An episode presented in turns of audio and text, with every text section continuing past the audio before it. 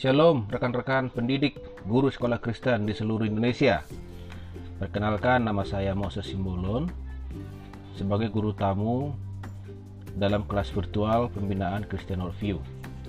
Saat ini kita akan membahas tentang Christian Worldview dalam pembelajaran biologi.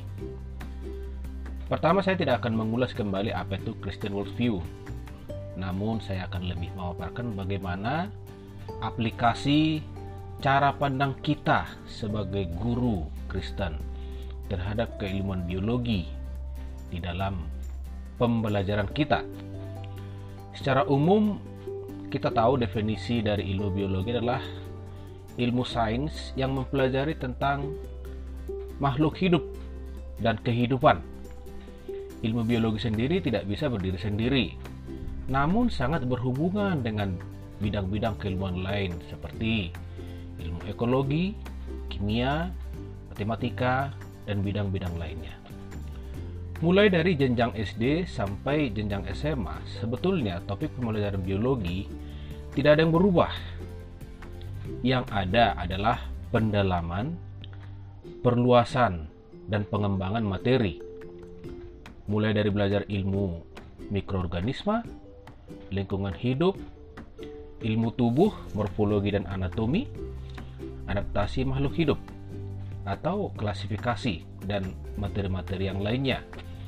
Namun di tingkat SMA mulai dikembangkan ke topik-topik selanjutnya seperti evolusi, genetika, dan metabolisme makhluk hidup. Ada berbagai metode yang diterapkan guru dalam mengajar ilmu biologi. Bahkan kadang sering disebut sebagai ilmu menghafal. Namun saat ini itu sudah tidak relevan kita bisa memakai praktek dalam pembelajaran biologi, discovery learning, problem solving, dan metode lainnya yang membuat murid justru lebih mudah memahami keilmuan biologi itu sendiri. Namun mengajar ilmu biologi dalam sekolah Kristen tidak cukup hanya mengajar berdasarkan apa yang kita dapat dari buku-buku yang beredar, baik di pasaran atau yang kita dapat dari perpustakaan. Semua buku yang kita pakai haruslah kita lihat dari kacamata cara pandang kita sebagai pendidik Kristen. Misalnya, jika kita mengajar ilmu mikroorganisme dan kita hubungkan dengan asal-usul makhluk hidup, bagaimana kita menyikapi teori dan pendapat Aristoteles bahwa dari jeram yang busuk muncul banyak sekali mikroorganisme Bahkan kalau dihitung dengan kasat mata nggak bisa kita hitung. Oh, gampang kalau kita katakan itu tidak benar. Nggak mungkin dari jerami muncul mikroorganisme. Itu kan pasti muncullah dari mikroorganisme sebelumnya. Tapi pernahkah Anda mencobanya? Cobalah ambil sejumput rumput dari tanah lapang, bahkan dari lapangan sepak bola yang sering diinjak-injak orang, sering dipangkas, atau diurus dengan rapi. Ambil rumputnya, lalu rendam dengan air sumur yang bersih dan biarkan selama empat hari atau enam hari. Kemudian setelah itu, ambillah satu tetes air dari rendaman rumput tersebut, letakkan di gelas objek, lalu amati di bawah mikroskop. Apa yang akan kita lihat? Bahkan dengan perbesaran 100 kali saja, sudah terlihat banyak sekali mikroorganisme hanya dalam satu tes air rendaman rumput. Bisa dia amuba, bisa paramecium, bisa vorticella, dan masih banyak lagi. Maka jangan heran jika teori Aristoteles bisa diterima dalam jangka waktu yang lama sebelum kemudian muncul teori biogenesis. Kenapa? Karena Aristoteles berhasil meyakinkan orang bahwa benda mati dari benda mati akan muncul makhluk hidup.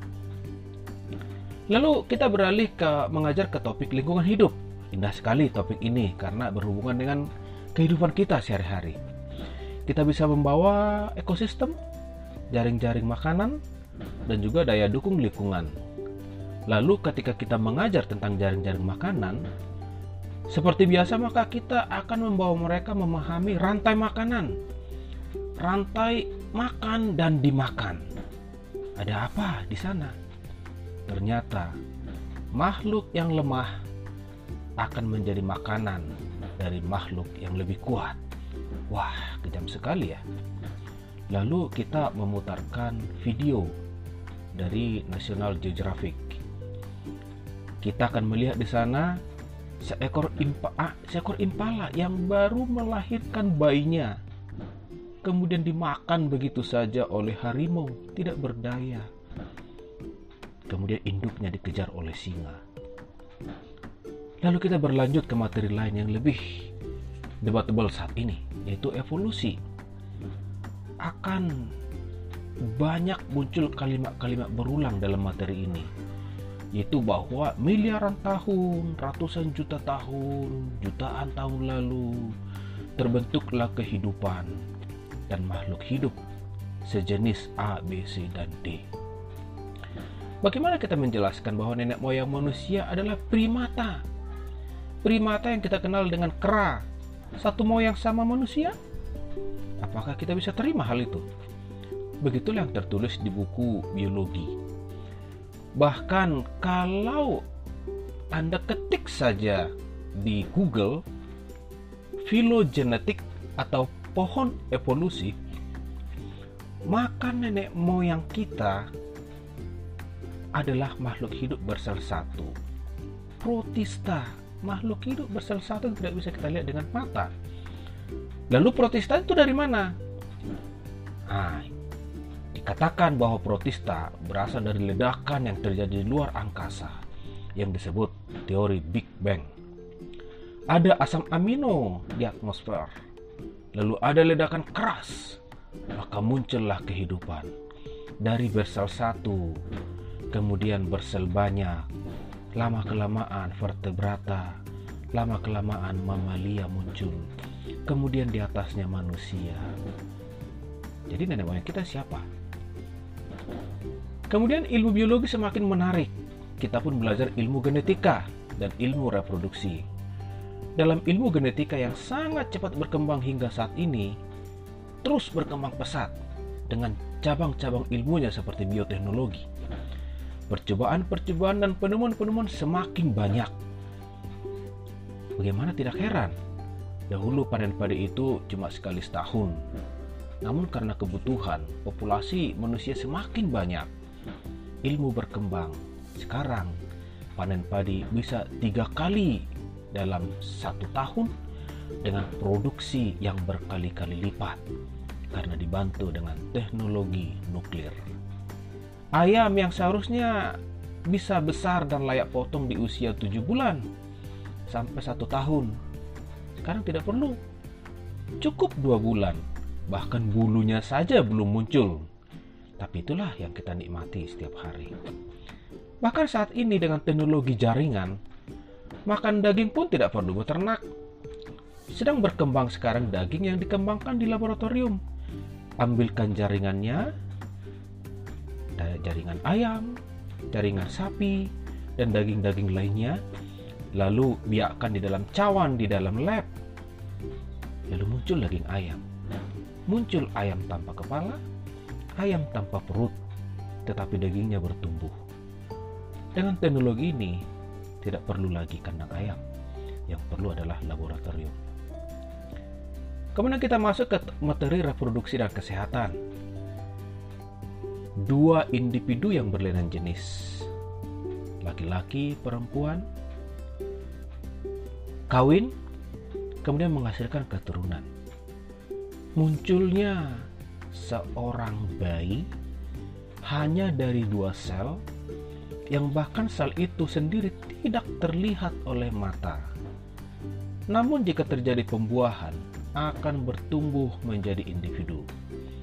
Dua sel menjadi jaringan, kemudian jaringan menjadi organ, kemudian organ menjadi organisme.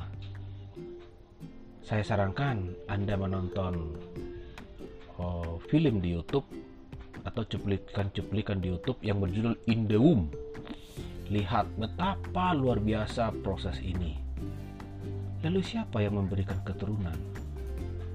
Ayah dan ibu. dunia medis terus berkembang, bahkan disertai dengan kontroversialnya.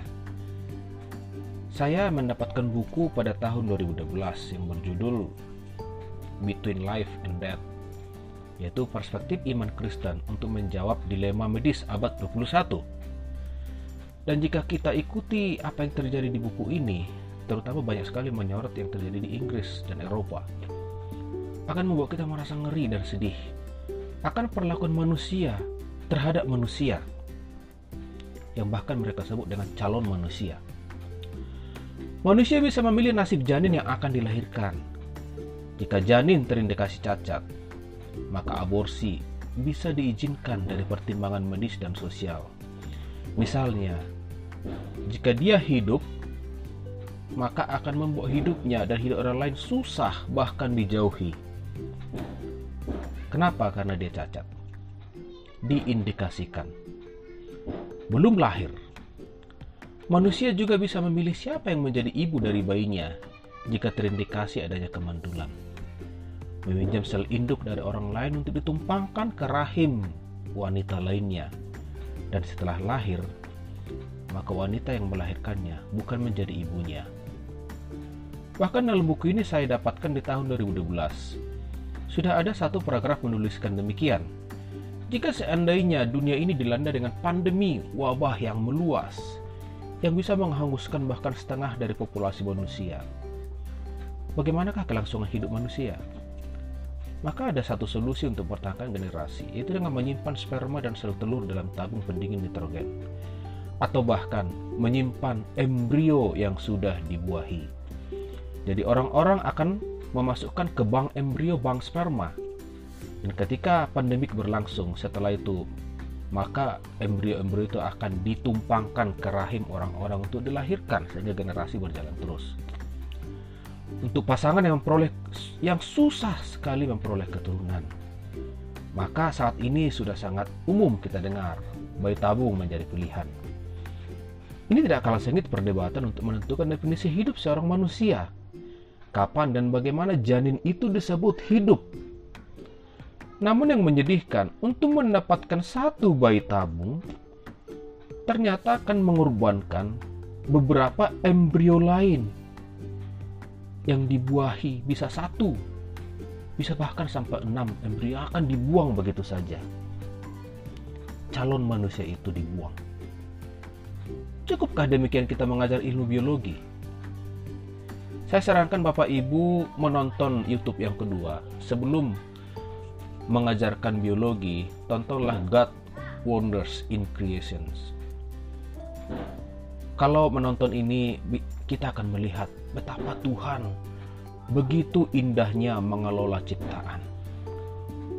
Tuhan menciptakan bumi dan segala isinya adalah sempurna menurut rancangan dari Allah itu sendiri. Berfirmanlah Allah, maka jadilah. Kejadian itu langsung karena firman Allah. Tidak ada proses yang berlama-lama di sana. Jadilah cakrawala. Jadilah binatang-binatang melata. Semua ciptaan jadi karena firman Allah. Bapak Ibu baca kembali kitab kejadian satu dengan pelan-pelan ayat demi ayat Perhatikan, imani betapa Tuhan yang punya kontrol atas semua ciptaan. Tidak ada makhluk hidup yang diciptakan dari makhluk atau benda lain. Ikan lele yang hitam itu tidak berasal dari lumpur. Lalat tidak berasal dari daging busuk. Manusia tidak berasal dari monyet. Dan tumbuh-tumbuhan tidak berasal dari makhluk bersel satu seperti protista. Bahkan kita, manusia, diciptakan Tuhan sangat istimewa, segambar dan serupa dengan Allah. Sebelum diciptakan, Tuhan membentuk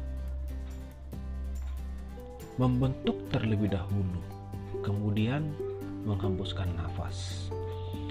Semua manusia adalah gambar dan rupanya, tanpa terkecuali bagaimanapun bentuk manusianya. Dia adalah gambar dan rupa Allah. Tapi ingat, manusia bukan Allah, kita adalah gambarnya.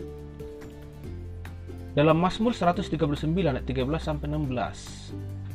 Di sini kalau kita lihat ayat ini akan sangat menggugah kita.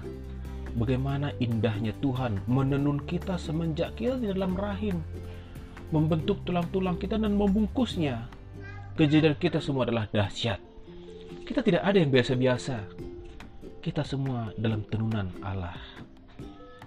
Tuhan memelihara semua ciptaan yang kuasanya dengan melibatkan hukum-hukum alam.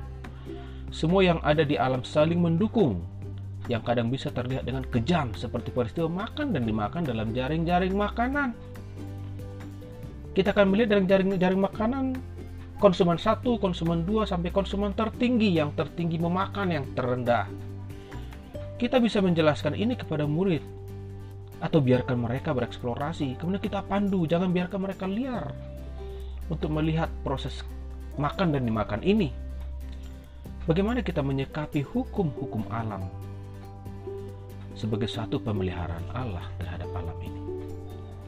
Manusia diberi mandat untuk menguasai bumi. Manusia bertanggung jawab akan kelangsungan hidup semua makhluk. Tidak mengeksploitasi kekayaan alam sesuai dengan keinginannya sendiri. Tidak menyalahgunakan keilmuan biologi justru untuk merusak kehidupan untuk kepentingan diri sendiri. Ada yang memperdagangkan ilmunya untuk kepentingan dirinya sendiri Manusia harus bertanggung jawab untuk semua kelangsungan makhluk hidup. Itulah yang disebut dengan mandat budaya. Keilmuan biologi justru kita gunakan untuk mengelola bumi ini.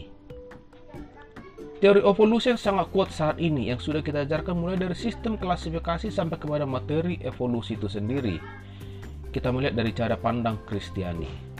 Adam ditugaskan oleh Allah untuk menamai semua makhluk hidup di taman Manusia dibekali Allah dengan hikmat dan keilmuan biologi untuk mengklasifikasikan semua makhluk di Taman Eden. Penciptaan Allah sempurna.